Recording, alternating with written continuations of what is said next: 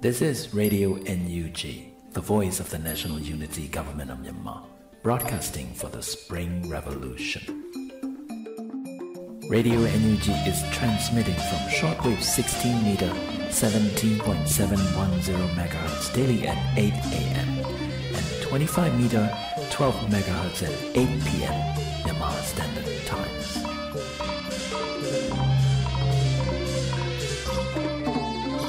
င်္ဂလာပါခင်ဗျာအမျိုးသားညီညွတ်ရေးအစိုးရရဲ့အသံလွှင့်ဌာန Radio NUG ကိုမနေ့၈နိုင်မှာ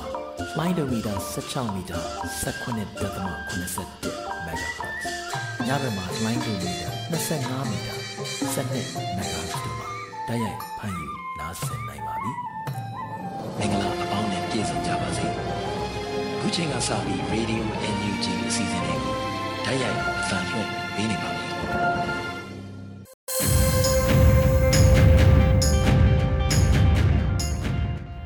မြန်မာနိုင်ငံသူနိုင်ငံသားအပေါင်းတဘာဝပြီးစစ်အာဏာရှင်ဘေးတို့ကနေကင်းဝေးပြီးကိုယ်စိတ်နှပါကျမ်းမာလုံခြုံကြပါစေလို့ရေဒီယို NUG အဖွဲ့သားများကဆုတောင်းမေတ္တာပို့သလာရပါတယ်ရှင်။အခုချိန်မှစပြီးကာကွယ်ဝိညာဉ်ဌာနမှထုတ်ဝေသောစစ်ရေးတရေအကျဉ်းချုပ်ကိုတင်ဆက်ပေးသွားမှာဖြစ်ပါတယ်ရှင်။ ကာကွယ်ရေးဝန်ကြီးဌာနမြို့သားညီညွတ်ရေးဆိုရမှထုတ်ဝေသော နေ့စဉ်စီရေးသတင်းချင်းချုပ်ကိုတင်ဆက်မှာဖြစ်ပါတယ်ကျွန်တော်ဟိန်းကိုကိုပါစစ်ကောင်စီနှင့်တိုက်ပွဲဖြစ်ပွားမှုသတင်းစကိုင်းတိုင်းတွင်စက်တင်ဘာလ30ရက်မနက်7:00နာရီကပလဲမြို့နယ်လက်ပုကန်ရွာအနီးစစ်ကြောင်းထွက်လာသောစက္ကစတပ်သားများကိုဒေသခံပြည်သူ့ကာကွယ်ရေးတပ်ဖွဲ့မှမိုင်းခွဲတိုက်ခိုက်နိုင်ခဲ့ပြီးစက္ကစ10ဦးထပ်မံထိခိုက်ဒဏ်ရာရခဲ့ကြောင်းသိရသည် ကချင်ပြည်နယ်တွင်စက်တင်ဘာ30ရက်မနက်10:00နာရီခွဲခန့်ကကချင်ပြည်နယ်ဗမော်ခရိုင်မိုးမောက်မြို့နယ်ကြောက်စခန်းကျေးရွာအုပ်စုဝဝမ်ကျေးရွာနှင့်ခဝမ်ပန်ကျေးရွာကြားလုံဂျာကျေးရွာထိပ်တွင်စကားစတက်နှင့်ကချင်လွတ်လပ်ရေးတပ်မတော် KIA တို့ကြားတိုက်ပွဲပြင်းထန်ခဲ့ကြောင်းသိရသည် တနင်္သာရီတိုင်းတွင်စက်တင်ဘာလ30ရက်နေ့ကတဝဲခရိုင်တရချောင်းမြို့နယ်တောင်ပြောက်တိုက်နယ်အတွင်းဝမ်ကဖော်ကျေးရွာတွင်စကားစနှင့်ဒေသခံပြည်သူ့ကာကွယ်ရေးတပ်တို့ထိတွေ့မှုဖြစ်ပွားခဲ့ကြောင်းသိရသည်စီရေးပြစ်မှုမတရားဖမ်းဆီးတပ်ဖြတ်မိရှုမှုတွင်စကိုင်းတိုင်းတွင်စက်တင်ဘာ30ရက်နေ့ကမြောင်မြို့နယ်ရွာပလဲရွာမှဒေသခံပြည်သူများကိုစကားစတပ်များမှ PDF များဟုဆိုကလက်နက်ငယ်များ RPG များဖြင့်ပစ်ခတ်ခဲ့ကြောင်းသိရသည် ပစ်ခတ်မှုကြောင့်ရွာပလဲရွာသူတယောက်ဦးကောင်းကြည်ရှက်မှန်ပြီးစေယုံပို့ထားကြောင်းသိရသည်စက်တင်ဘာ30ရက်နေ့ကဒီပဲရဲမြို့နယ်ညောင်လှရွာတွင်တက်ဆွဲထားသောစကားစတပ်များဝဲကြီးရွာမြောက်ပိုင်းနှင့်ကုန်းကြီးရွာသို့ဝင်ရောက်မှွေနှောက်ခဲ့ရာအများပြည်သူပိုင်းလူနေဆယ်လုံးထက်မနည်းပျက်စီးဆုံးရှုံးခဲ့ကြောင်းသိရသည်စက်တင်ဘာ30ရက်နေ့နေ့လယ်2:45ခန်းကခင်ဦးမြို့နယ် NLD မြို့နယ်ပြန်ကြားရေးတာဝန်ခံဦးချမ်းမြေမောင်နေအိမ်တွင်ဖမ်းဆီးခံရကြောင်းသိရသည် မကွေးတိုင်းတွင်စက်တင်ဘာ30ရက်နေ့နေ့လယ်2နာရီခွဲခန့်ကမကွေးတိုင်းပေါ့မြို့နယ်ဝန်ချုံကျေးရွာအုပ်စုအိုင်းကျဲကျေးရွာဘုန်းကြီးကျောင်းတွင်အပ်ထားသောကျေးရွာပြည်သူပိုင်ဆိုင်ကယ်များနှင့်မော်တော်ယာဉ်များကိုစက္ကဆမှမိရှို့သွားကြောင်းသိရသည်ချင်းပြည်နယ်တွင်စက်တင်ဘာလ29ရက်နေ့ကဟာခါမြို့တွင်လမ်းစုံနေရာများမှာစက္ကဆတပ်သားများမှပြည်သူများ၏ဖုန်းနှင့်ဆိုင်ကယ်များကိုစစ်ဆေးပြီးလူ18ဦးဖမ်းဆီးခံရကြောင်းသိရသည်စက်တင်ဘာ29ရက်နေ့က ချင်းပြည်နယ်ထန်တလန်မြို့ထဲသို့ဟာခါမဝင်လာသည့်ကားတစ်စီးကိုစကားစတက်များမှပြစ်ခတ်ခဲ့ပြီးထန်တလန်မြို့မိမြို့ဖဦးရသူ85နှစ်ကြီးထိမှန်ကွယ်လွန်ခဲ့ကကြမ်းခိုင်ရေးအမတ်လောင်းဟောင်းတူလည်းဒဏ်ရာရရှိသွားကြောင်းသိရသည်ထွေထွေသတင်းအနေနဲ့စက်တင်ဘာ30ရက်နေ့ကကရင်ပြည်နယ်ရဲတပ်ဖွဲ့ KSP မှ သက်ဆိုင်ရာဖွဲ့များနှင့်ပူးပေါင်းပြီးစကားစသတင်းပေးဟုယူဆရသူကြားကိုဦးနှင့်မာတအူအားဖမ်းဆီးခဲ့ပြီးစစ်ဆေးမေးမြန်းရာတပ်သေးထောက်ထားရခိုင်လုံမှုရှိသောကြား၅ဦးကိုကရင်ပြည်နယ်ရဲချုပ်တွင်ချုပ်နှောင်ထားပြီးလိုအပ်သည့်အတိုင်းဆက်လက်ရေးယူဆောင်ရွက်မှုများပြုလုပ်သွားမည်ဖြစ်ကြောင်းသိရသည်အခုသတင်းများကိုမြေပြင်သတင်းတာဝန်ခံများနှင့်သတင်းဌာနများမှဖော်ပြလာသောအချက်အလက်များပေါ်အခြေခံ၍ပြုစုထားတာဖြစ်ပါတယ်ခင်ဗျာ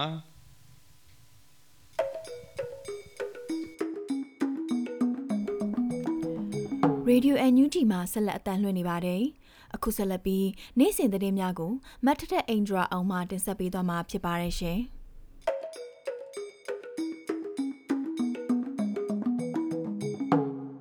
ထမအောင်ဆုံးအနေနဲ့အမျိုးသားညီညွတ်ရေးအစိုးရနိုင်ငံသားရေးဝန်ကြီးဌာနပြည်ထောင်စုဝန်ကြီးဒေါ်စင်မအောင်နဲ့ဆွီဒင်နိုင်ငံသားရေးဝန်ကြီးတို့တွေ့ဆုံဆွေးနွေးခဲ့ကြတဲ့တဲ့တင်ကိုတင်ဆက်ပေးမှာပါ2021ခုနှစ်စက်တင်ဘာလ29ရက်နေ့မှာပြည်ထောင်စုသမ္မတမြန်မာနိုင်ငံတော်အမျိုးသားညီညွတ်ရေးအစိုးရနိုင်ငံသားရေးဝန်ကြီးဌာနပြည်ထောင်စုဝန်ကြီးဒေါ်စင်မအောင်ဟာဆွီဒင်နိုင်ငံနိုင်ငံသားရေးဝန်ကြီးအန်လင်တီနဲ့တွေ့ဆုံဆွေးနွေးခဲ့တယ်လို့သိရပါဗျ။ မြန်မာနိုင်ငံမှာလက်ရှိဖြစ်ပေါ်နေတဲ့နိုင်ငံရေးအခြေအနေတွေအကြမ်းဖက်စစ်ကောင်စီရဲ့အာဏာသိမ်းရန်ကြိုးပမ်းခဲ့မှုကြောင့်ဖြစ်ပေါ်လာတဲ့အခက်အခဲအချက်တဲတွေနဲ့မြန်မာနိုင်ငံတွင်းဒီမိုကရေစီရေးလှုပ်ရှားမှုအခြေအနေတွေအကြောင်းတွေ့ဆုံဆွေးနွေးခဲ့ကြတယ်လို့သိရပါဗျ။တွေ့ဆုံဆွေးနွေးပွဲကိုချက်သမရနိုင်ငံဆိုင်ရာမြန်မာကိုယ်စားလှယ်ဦးလင်းတန်လည်းတက်ရောက်ခဲ့ပါတယ်။အဲ့ဒီအစည်းအဝေးနဲ့ပတ်သက်ပြီးဆွီဒင်နိုင်ငံနိုင်ငံသားရေးဝန်ကြီးအန်လန်ဒီကသူ့ရဲ့ Twitter အကောင့်မှာအမျိုးသားညီညွတ်ရေးအစိုးရနိုင်ငံသားရေးဝန်ကြီးဒေါ်စင်မအောင်နဲ့တွေ့ဆုံကြောင်း မြန်မာနိုင်ငံရဲ့ဆရာနာသိမ်းပြီးနောက်ပိုင်းအခြေအနေတွေအကြောင်းဆွေးနွေးခဲ့ကြတဲ့အကြောင်းနဲ့မြန်မာနိုင်ငံဟာဒီမိုကရေစီနဲ့ငြိမ်းချမ်းရေးလမ်းကြောင်းပေါ်ပြန်သွားဖို့အရေးတကြီးလိုအပ်နေပြီလို့ရေးသားထားတာကိုတွေ့ရပါတယ်။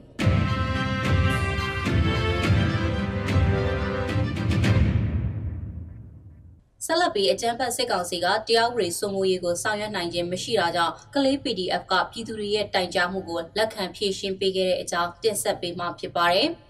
ကလေးမြို့နယ်တောင်ပိုင်းကကြီးရွာတွေမှာဒလန်ရှင်းလင်းရေးအဖွဲ့လို့နာမည်ခံပြီးတော့ဒေသခံတွေကိုအနိုင်ကျင့်နေတဲ့ရှိုင်းသာဥဆောင်တဲ့အဖွဲ့ကိုပြည်သူတွေရဲ့တိုင်ကြားမှုကြောင့်ကလေး PDF ကဝင်ရောက်စီးနင်းပြီးဖြည့်ရှင်းခဲ့တယ်လို့သိရပါဗျ။ တင်သားကြီးရွာအုပ်စုဒိုးနယ်ကြီးရွာအုပ်စုအင်ကျွန်းကြီးရွာအုပ်စုကြောက်ပြုတ်ကြီးရွာအုပ်စုနဲ့ကုတ်ကူကြီးရွာအုပ်စုတို့မှာရှိုင်းသာဆိုသူဥဆောင်တဲ့အဖွဲ့ကဒေသခံတွေကိုအရမငွေကြေးကောက်ခံတာရွှေငွေနဲ့ဆိုင်ကယ်တွေကိုလူယူပြီးအမျိုးသမီးတချို့ကိုအရမပြုချင်တာတွေလှုပ်ဆောင်နေတာကိုအရေးယူဆောင်ရွက်ပေးဖို့ဒေသခံပြည်သူတွေရဲ့တိုင်ကြားမှုကြောင့်ကလေး PDF ဟာရှိုင်းသာဆိုသူဦးဆောင်တဲ့အဖွဲ့ရဲ့စခန်းကိုစက်တင်ဘာ26ရက်နေ့မှာဝင်ရောက်စီးနင်းခဲ့တယ်လို့ PDF ကလေးကသတင်းထုတ်ပြန်ထားပါတယ်။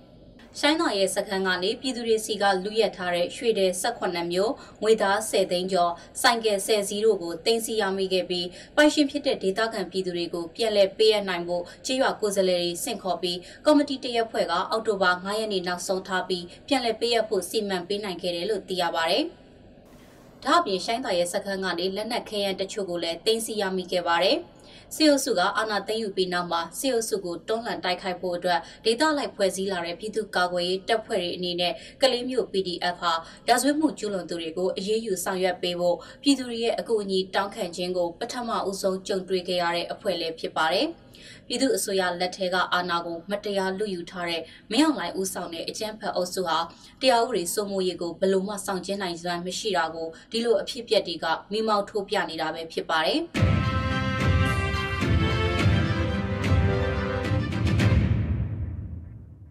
အခုဆက်လက်ပြီးမြန်မာနိုင်ငံတဝန်ကလူမျိုးပေါင်းစုံဘာသာပေါင်းစုံပါဝင်တဲ့ဆရာနာရှင်အမြင့်ပြည့်ချေမုံရေးလူထုလှုပ်ရှားမှုဆန္ဒပြပွဲသတင်းတွေကိုစုစည်းတင်ဆက်ပေးတော့မှာဖြစ်ပါတယ်။ စကိုင်းတိုင်းရမပင်ခရိုင်စာလင်ကြီးမြို့မြောက်ချမ်းနဲ့ရမပင်အရှိချမ်းကျေးရွာပေါင်းစုံတပိတ်စစ်ကြောင်းဦးဆောင်ပြီးဆရာနာရှင်အမြင့်ပြည့်ချေမုံရေးကျေးရွာတွင်ချီတက်ဆန္ဒပြခဲ့ပါတယ်။စကိုင်းတိုင်းရွှေဘုံမြို့နယ်ကျေးရွာတရွာမှာတော့တော်လှန်ပြည်သူတွေဦးဆောင်တဲ့အဖွဲ့ဟာမြို့သားညီညွတ်ရေးအစိုးရအန်ယူဂျီကိုထောက်ခံကြောင်းနဲ့အကြမ်းဖက်စစ်တပ်အမြင့်ပြတ်ချေမှုန်းရေးချစ်တက်ဆန္ဒပြခဲ့ပါတယ်။ စကိုင်းတိုင်းရွှေဘိုခရိုင်ဝက်လက်မြို့နယ်ကရွာသူရွာသားတွေဟာကျေးရွာစိုက်ခင်းတစ်ခုမှာစုဝေးကြပြီးတော့ဖက်စစ်စစ်တပ်အမြင့်ဖြတ်ဆိုတဲ့တော်လှန်ရေးကြွေးကြော်တန်းတွေနဲ့ဆန္ဒပြခဲ့ပါတယ်။မွန်ပြည်နယ်ပေါ့မြို့နယ်ကလူငယ်တစုကလည်းပြည်သူအမုံစစ်တပ်ကြာရှုံပြည်သူအောင်ပွဲပြည်သူလက်ထဲဆိုတဲ့စာရန်ကိုက်ဆောင်ပြီးတော့ဒီနေ့မနက်အစောပိုင်းကချီတက်ဆန္ဒပြခဲ့ပါတယ်။တဝက်ခရိုင်လောင်းလုံးမြို့နယ်အတွင်းကအမျိုးသမီးလူငယ်တွေနဲ့ ကျောင်းသူကျောင်းသားတွေပူးပေါင်းပါဝင်တဲ့တပိတ်အဖွဲ့ဟာတော်လန်မီတောက်အားကောင်းဖို့စီရီယန်ကိုထောက်ပံ့ဆိုးဆိုတဲ့စာရန်ကိုက်ဆောင်ပြီးတော့ဆရာနာရှင်စန့်ကျင်ရေးချီတက်ဆန္ဒပြခဲ့ပါတယ်။တဝဲတောင်ပိုင်းတပိတ်စစ်ကြောင်းကလူငယ်တစုကလည်းအကြမ်းဖက်စစ်တပ်အမြင့်ဖြုတ်နိုင်ရေးလူထုလှုပ်ရှားမှုအနေနဲ့စိုက်ကယ်နဲ့လှည့်လည်ပြီးဆန္ဒပြခဲ့ပါတယ်။မန္တလေးက LGBT Union တပိတ်စစ်ကြောင်းနဲ့မန္တလေးတပိတ်တပ်ပေါင်းစုတို့ပူးပေါင်းပြီးဆရာနာရှင်အမြင့်ပြည့်ချေမုံရေးချစ်တက်ဆန္ဒပြခဲ့ပါတယ်။ မန္တလေးမြို့အခြေဆိုင်လူလူတပိတ်စစ်ကြောင်းကလူငယ်တစုကလည်းအကြမ်းဖက်စစ်ကောင်စီရဲ့မတရားအာဏာသိမ်းယူမှုလူမဆန်စွာအကြမ်းဖက်တပ်ဖြတ်မှုတို့ကိုစန့်ကျင်ရှုံချတဲ့အနေနဲ့ဆန္ဒထုတ်ဖော်ခဲ့ပါတယ်။ဒါကတော့စက်တင်ဘာလ30ရက်နေ့နေ့လယ်2နာရီအချိန်ထိမြန်မာနိုင်ငံတော်ဝန်ကဆရာနာရှင်အမြင့်ပြည့်ချေမုံရေးလူထုဆန္ဒပြပွဲတွေရဲ့အကြောင်းကိုစုစည်းတင်ဆက်ပေးခဲ့တာဖြစ်ပါတယ်။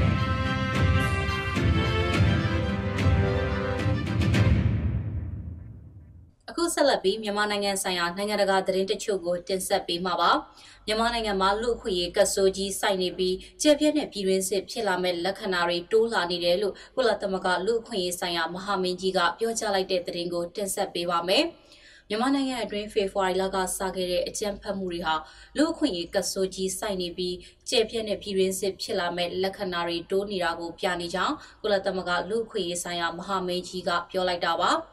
နိုင်ငံတကာလူအဖွဲ့အစည်းအနေနဲ့ပို့ရေးယူဆောင်ရွက်ကြဖို့ကိုလည်းသူကစော်ထားပါသေးတယ်။စက်တင်ဘာ23ရက်ကဂျီနီဗာမြို့လူ့အခွင့်အရေးကောင်စီမှာပြောကြားခဲ့တဲ့မိန့်ခွန်းအတွင်းသူကအခုလိုပြောခဲ့တာပါ။နိုင်ငံရဲ့နေရာအနှံ့ပြားမှာမျိုးဆက်လိုက်ပြိပခါကိုမမြင်ဘူးတဲ့နေရာတွေမှာပါအယက်သားတိုက်ခိုက်ရေးသမားတွေနဲ့အကြမ်းဖက်စစ်ကောင်စီရဲ့တပ်တွေတိုက်ပွဲဖြစ်တာပုံမှန်လိုဖြစ်နေပြီလို့လည်းသူကပြောပါတယ်။ ဒါအပြင်စစ်ကောင်စီကိုမြန်မာနိုင်ငံဆိုင်ရာအစီရင်ခံစာတင်ရမှာဘာချီလက်ကမြန်မာနိုင်ငံအတွင်းကလူခွင့်ရေးချိုးဖောက်မှုတွေနဲ့နိုင်ငံတကာလူသားချင်းစာနာမှုဥပဒေတွေကိုအပြင်းအထန်ချိုးဖောက်မှုအများအပြားကိုရှင်းပြထားပါတယ်။အစီရင်ခံစာထဲမှာစီးပွားရေးတဟုန်တို့ကျဆင်းခြင်းလူခွင့်ရေးချိုးဖောက်ခြင်းစစ်ရေးလှုပ်ရှားမှုပြင်းထန်လာခြင်းစတဲ့ခေါင်းစဉ်တွေနဲ့အသေးစိတ်ဖော်ပြထားတာပါ။ ကမ္ဘာစားနပ်ရိက္ခာအစီအစဉ်ကလက်တလောထုတ်ပြန်တဲ့အစီရင်ခံစာတွေမှာလည်းတန်းနဲ့ချီတဲ့ပြည်သူတွေဟာစည်ရဲမွဲတည်မှုနိုင်ငံရေးမတည်ငြိမ်မှုနဲ့စီးပွားရေးအကျက်တဲတွေကြောင့်မှစားနပ်ရိက္ခာမလုံလောက်မှုကိုရင်ဆိုင်နေရပြီလို့သတိပေးထားပါတယ်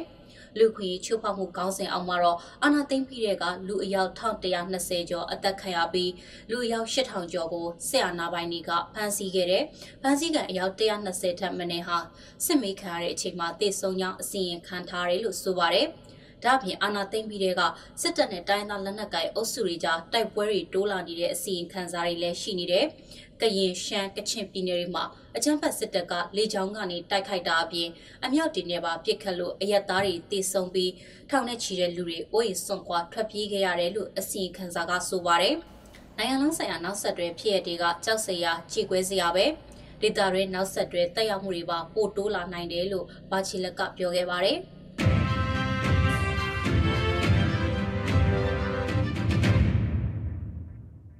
အခုနောက်ဆုံးအနေနဲ့ကာကွယ်စောင့်ရှောက်ရေးအတွက်ကမ္ဘာဌာန GCR2B အဖွဲ့ကထုတ်ပြန်တဲ့ရက်ဆက်ကြမ်းကြုတ်မှုဆိုင်ရာတက်လှန်သတိပေးချက်ထဲမှာမြန်မာနိုင်ငံပါဝင်လာတဲ့သတင်းကိုတင်ဆက်ပေးမှာပါ။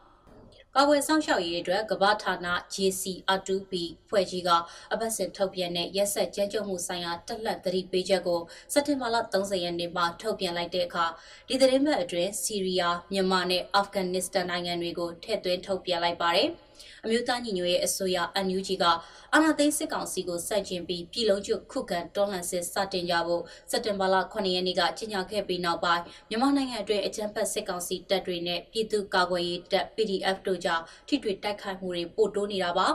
ပြည်သူ့ကာကွယ်ရေးတပ်ဟာစစ်အုပ်ချုပ်မှုပြန်ကျင့်သုံးတာကိုစန့်ကျင်တဲ့အယက်သားပြည်သူစစ်တွေဖြစ်ပါတယ်။ချင်းပြည်နယ်ထက်တလန်မြို့မှာ PDF တွေနဲ့အကြမ်းဖက်စစ်တပ်ကြားတိုက်ပွဲကြောင့် အယောက်တသောင်းနီးပါးလောက်ရှိတဲ့ဒေသခံအလုံးဟာသူတို့ရဲ့အိမ်တွေကိုစွန့်ခွာထွက်ပြေးခဲ့ရပါတယ်။ခရီးယန်ဘုန်းတော်ကြီးတစ်ပါးကိုတပ်ဖြတ်မှုနဲ့ချင်းပြည်နယ်ထက်တလန်မြို့ကအိမ်တွေကိုပုံကျဲတိုက်ခိုက်မှုတွေဟာမြန်မာပြည်သူတွေပေါ်စစ်ကောင်စီတပ်တွေကနေ့စဉ်ကျူးလွန်နေတဲ့တက်ရှိငရဲရဲ့နောက်ဆုံးနမူနာတွေပဲလို့ကုလသမဂ္ဂလူ့အခွင့်အရေးဆိုင်ရာအထူးတန်တမန်တွန်အန်ထရူကပြောခဲ့ပါတယ်။ ကုလလူခွင့်ရေးဆိုင်ရာမဟာမင်းကြီးမစ်ချယ်ပါချီလက်ကလည်းမြန်မာနိုင်ငံအတွင်းကအခြေအနေကိုရောပါစေမဲ့လက်ခံတာမပြတဲ့လူခွင့်ရေးကတ်ဆိုးကြီးလို့ခေါ်ဝေါ်လိုက်ပါတယ်။ ပြည်ရင်းစစ်အရှိန်မြင့်တက်လာမဲ့ထိတ်လန့်စရာဖြစ်နိုင်ခြေကိုလည်းသူကလူခွင့်ရေးကောင်စီမှာစက်တင်ဘာ23ရက်ကပြောခဲ့ပါသေးတယ်။သူ့ရဲ့မြန်မာနိုင်ငံဆိုင်ရာနောက်ဆုံးအစီရင်ခံစာထဲမှာစစ်တပ်ကကျူးလွန်နေတဲ့လူအခွင့်အရေးနဲ့နိုင်ငံတကာလူသားချင်းစာနာမှုဆိုင်ရာဥပဒေတွေကိုကြည်ချင်းပြန့်ပြန့်ချိုးဖောက်မှုလူသားတို့ပေါ်ကျူးလွန်တဲ့ရာဇဝတ်မှုနဲ့စစ်ရာဇဝတ်မှုတွေကိုစည်ရင်အင်းနဲ့တကွတင်ပြထားပါတယ်။ဖေဖော်ဝါရီလရက်မှာစစ်တပ်ကအာဏာသိမ်းပြီးတဲ့ကလုံခြုံရေးတပ်တွေဟာ လူ1146အထက်မင်းကိုတပ်ဖြတ်ခဲ့ပြီးတော့အာဏာသိမ်းဆန့်ကျင်မှုအတွက်လူ6914ယောက်ကိုဖမ်းဆီးထိန်သိမ်းထားတယ်လို့နိုင်ငံရေးအကျဉ်းသားများကုညီစောင့်ရှောက်ရေးအသင်းကဆိုထားပါတယ်။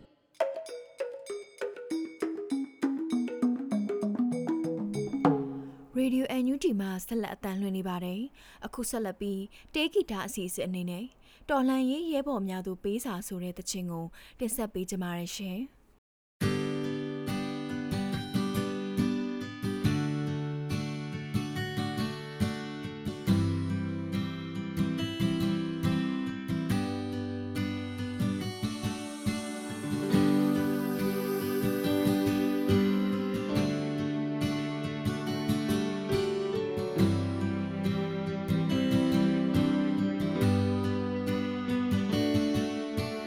မိုးတွေတဲ့နေတော့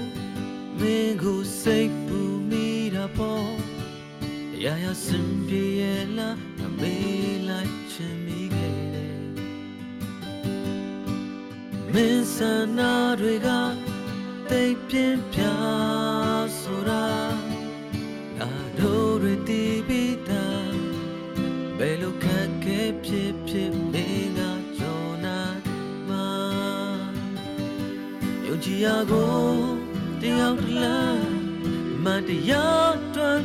တိုးရှောင်းလန်းရောက်မဲ့ပန်းနာတီတာတို့အတွက်အဒီကအချိန်ချင်းမှာစုံညီနှွေးမဲ့အနိုင်ရမဲ့တို့တိုင်ပွဲဖြည်းဖြည်းချင်းချီတက်ရတော့စင်ဟာတို့နိုင်ငံထွက်တငယ်ချင်းဒီကို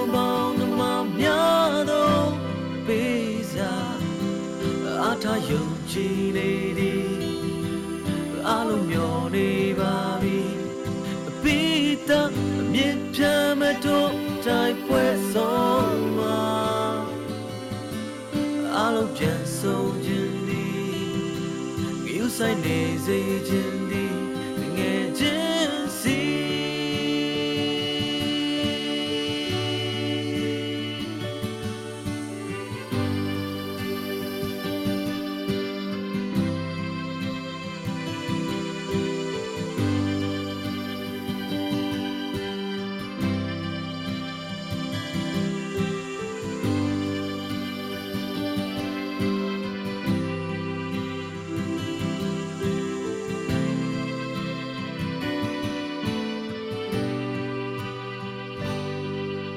မမိုးတွေတဲနေတော့မင်းကိုစိတ်ပူမိတာပေါ့ရာရာစင်ပြေလာငါမေးလိုက်ချင်မိခဲ့တယ်မင်းစနာတွေက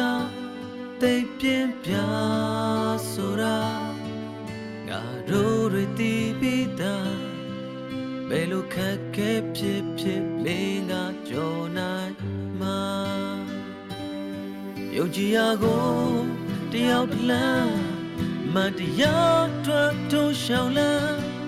ရောက်မဲ့ပန်းနိုင်တည်တာတို့အတွက်အဓိကအချိန်ချင်းမှာစုံညီနှွဲမဲ့အနိုင်ရမဲ့တို့တိုင်ပွဲပြေးပြေးချင်းချီတတ်ရတော့စေဟာတို့နိုင်ငံ ငယ်ချင်းဒီကိုမောင်နှမများတော့ပေးစားအထယုံကြည်နေသည်အလုံးမျောနေပါပြီအပိတမြစ်ပြမဲ့တော့တိုက်ပွဲဆုံးမှာအလုံးပြန်ဆုံးခြင်းသည်ကိူဆိုင်နေစေခြင်းသည်တငယ်ချင်း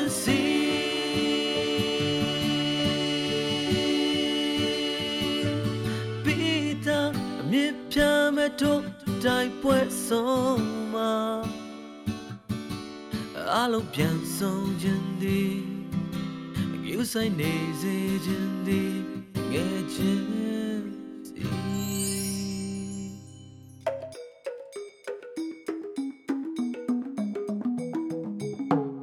ရေဒီယို NUG မှာဆက်လက်အသံလွှင့်နေပါတယ်။အခုဆက်လက်ပြီးတော်လှန်ရေးနည်းပညာကဏ္ဍအကြောင်းကိုတင်ဆက်ပေးမှာဖြစ်ပါတယ်ရှင်။။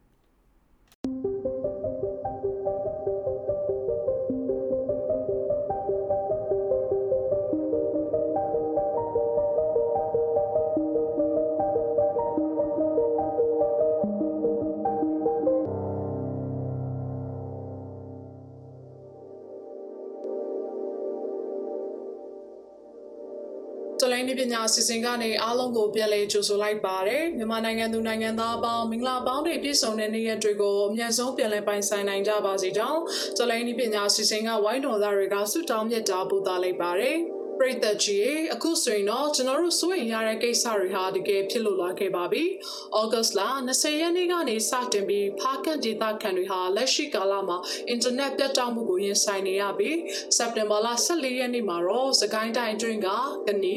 ရင်းမာပင်ဘုဒ္ဓလင်အရာတော် ဝက်လက်နဲ့ပလဲစားတဲ့မြို့နယ်များအပြင်မန္တလေးတိုင်းမိုးကုတ်မြင်းချံမြို့နယ်တွေပါအင်တာနက်ပြတ်တောက်ပစ်ခဲ့တဲ့ဆိုတဲ့သတင်းတွေကိုပြည်သက်ကြီးအားလုံးလည်းသတိပြုမိပြီးသားဖြစ်မှာပါ။ဒါကြောင့်တော်လိုင်းနည်းပညာအစီအစဉ်ကနေယခုရက်ပိုင်းအတွင်းမှာအင်တာနက်များပြတ်တောက်သွားခဲ့ရင်မှန်ကန်တဲ့သတင်းအချက်အလက်တွေကိုစီစဉ်လာနိုင်စေဖို့အတွက်အကျိုးများစေနိုင်မဲ့ application တွေကိုရှာဖွေမိတ်ဆက်ဖော်ထုတ်ပေးနေတာပဲဖြစ်ပါတယ်။ယခုပတ်မှာလည်းတော်လိုင်းနည်းပညာအစီအစဉ်ကနေ BRIAR Braille ဆိုတဲ့ application လေးအကြောင်းကိုထပ်မံမိတ်ဆက်ဖော်ပြပေးလိုက်ပါတယ်။ Braille ဟာ internet ရှိနေစဉ်အချိန်မှာရော internet မရှိတဲ့အချိန်မှာပါ message တွေကိုပေးပို့ဝေမျှနိုင်တဲ့ application တစ်ခုဖြစ်ပါတယ်။ internet ရှိစမှာ internet ကွန်ရက်ကနေချိတ်ဆက်ပြီးသတင်းစကားတွေကိုမျှဝေပေးနိုင်တဲ့ Braille ဟာ internet ပြတ်တောက်ခဲ့မယ်ဆိုရင်တော့တူညီတဲ့ Wi-Fi ကွန်ရက်အတွင်းမှာနဲ့ mobile phone တွေမှာပါဝင်တဲ့ Bluetooth စနစ်ကနေချိတ်ဆက်ပြီးသတင်းစကားတွေကိုဝေမျှပေးနိုင်မှာပဲဖြစ်ပါတယ်။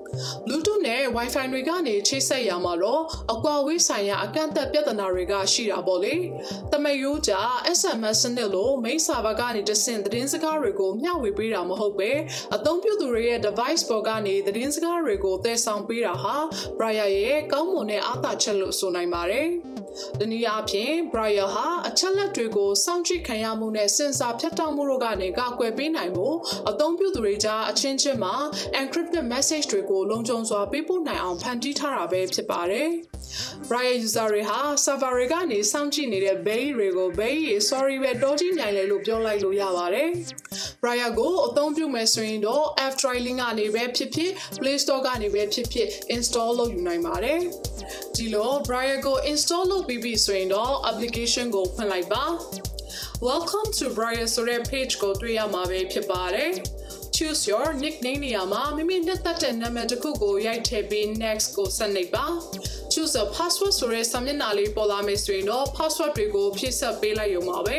ဒုတိယအကွက်မှာတော့သင်အပေါ်ကပေးခဲ့တဲ့ password မှန်မှန်မှန်ကိုစစ်ဆေးဖို့အတွက်အပေါ်ကွက်မှာဖြည့်ခဲ့တဲ့ password ကလေးကိုထပ်ဖြည့်လိုက်ပါ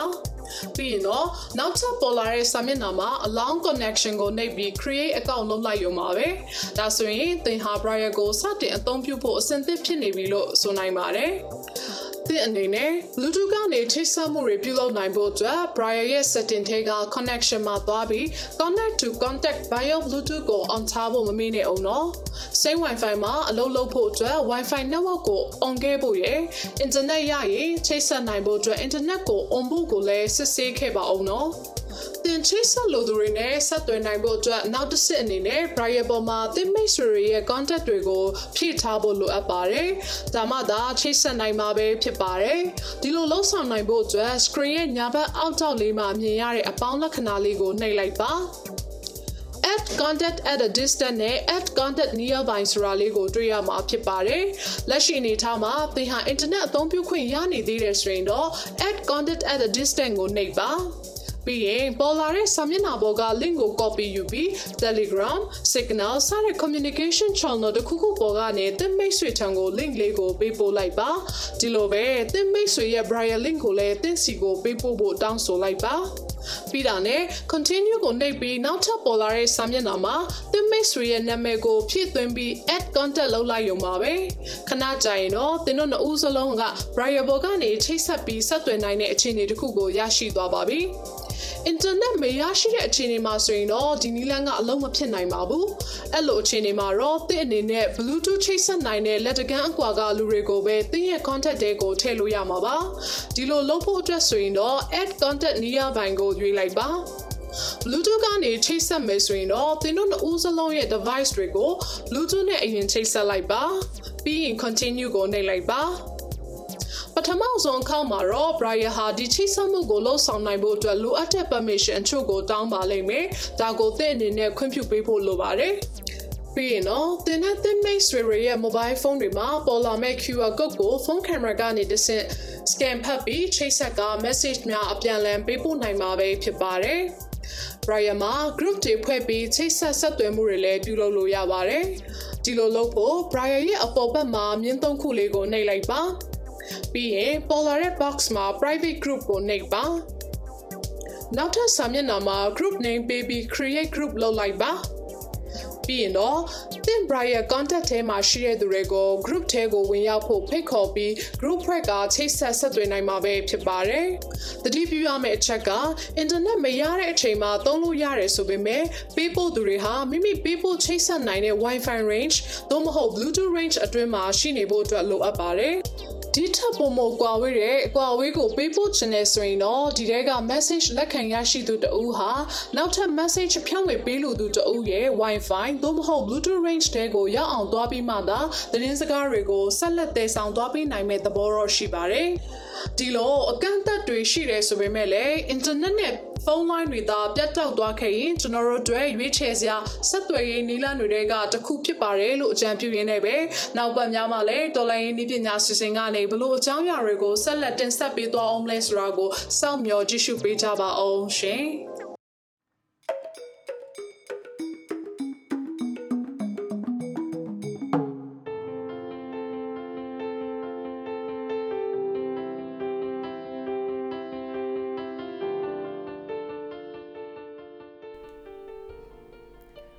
ဆက်လက်ပြီးမိုးမခကဗျာကဏ္ဍမှာ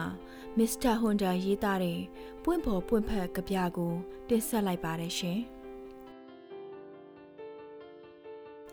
ထမင်းကြိုက်ဆိုတာထမင်းထည့်ရတာဖြစ်ပြီးဟင်းဆိုတာလမ်းဘေးကပဲဟင်း90ဘူးပါပဲ။လှိုင်ตาယာကအထဲကျုပ်တမလေးလမ်းတစ်ခါဖြတ်ကူဖို့လူတွေအများကြီးစုခဲ့ရတယ်တဲ့တကယ်အဖြစ်ပြက်ဆိုတာနွမ်းအီအီမီးရောင်တွေကိုတကြုံကြုံချုပ်ရင်ထားခဲ့ရတဲ့အေးရဝတီအမေနဲ့မောင်လေးညီမလေးတွေပါပဲအမေနေကောင်းလားတမိကျဲသီးဖောက်တွေဖောက်နေတဲ့အမေတနေ့ မောင်လေးညီမလေးတွေတမီဖောက်လိုက်တဲ့ကျဲသီးပေါက်ကလေးတွေမှာသူတို့ကျဲသီးလေးတွေတတ်ထားနိုင်ပါစေအမေတမီပြန်လာအောင်မဲ့အမေအိမ်ပြန်နေဆိုတာအလဲသွားရတယ်လို့ပါပဲအမေရဲ့အရှိန်ပြင်းပြင်းကားကြီးတွေကတမီတို့ကိုရှမ်းမပေးကြပါဘူးတခါတခါအဲ့ဒီအတွေးကိုလည်းတမီကျဲသီးပေါက်တွေထဲထဲချုံမိတယ် မင်းကြိုင်တွေကဇွန်းတန်တွေတစ်ချက်လွန်းလွန်းနဲ့တမီးတို့ကားလမ်းပေါ်နေတိုင်းပြေးနေရတော့ပါပဲ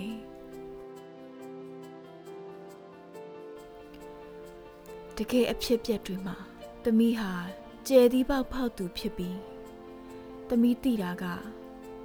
တဲ့တဲ့သွားရင်ညရောက်မယ်ဒီလောက်ပါပဲအမေ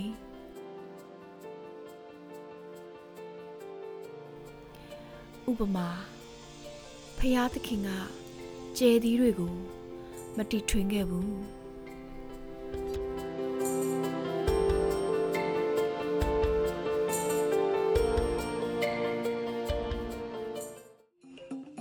ဒီကနေ့တော့ဒီညနဲ့ပဲ Radio NUG အစီအစဉ်လေးကိုကိတ္တရန်နာလိုက်ပါမယ်မြန်မာစံတော်ချိန်မနေ့၈နာရီညနေ၈နာရီတို့မှာပြန်လည်တွေ့ဆုံကြပါစို့ Radio NUG ကိုမနေ့၈နာရီမှာ လိုင်းဒိုမီတာ16မီတာ19.87 MHz ညဘက်မှာလိုင်းဒိုမီတာ25မီတာ17 MHz တို့မှာတိုက်ရိုက်ဖမ်းယူနားဆင်နိုင်ပါပြီမြန်မာနိုင်ငံသူနိုင်ငံသားများကိုစိတ်နှပြချမ်းမာချမ်းသာလို့ဘေးကင်းလုံခြုံကြပါစေလို့ Radio NUG အဖွဲ့သူအဖွဲ့သားများဆုတောင်းပေးလိုက်ပါတယ်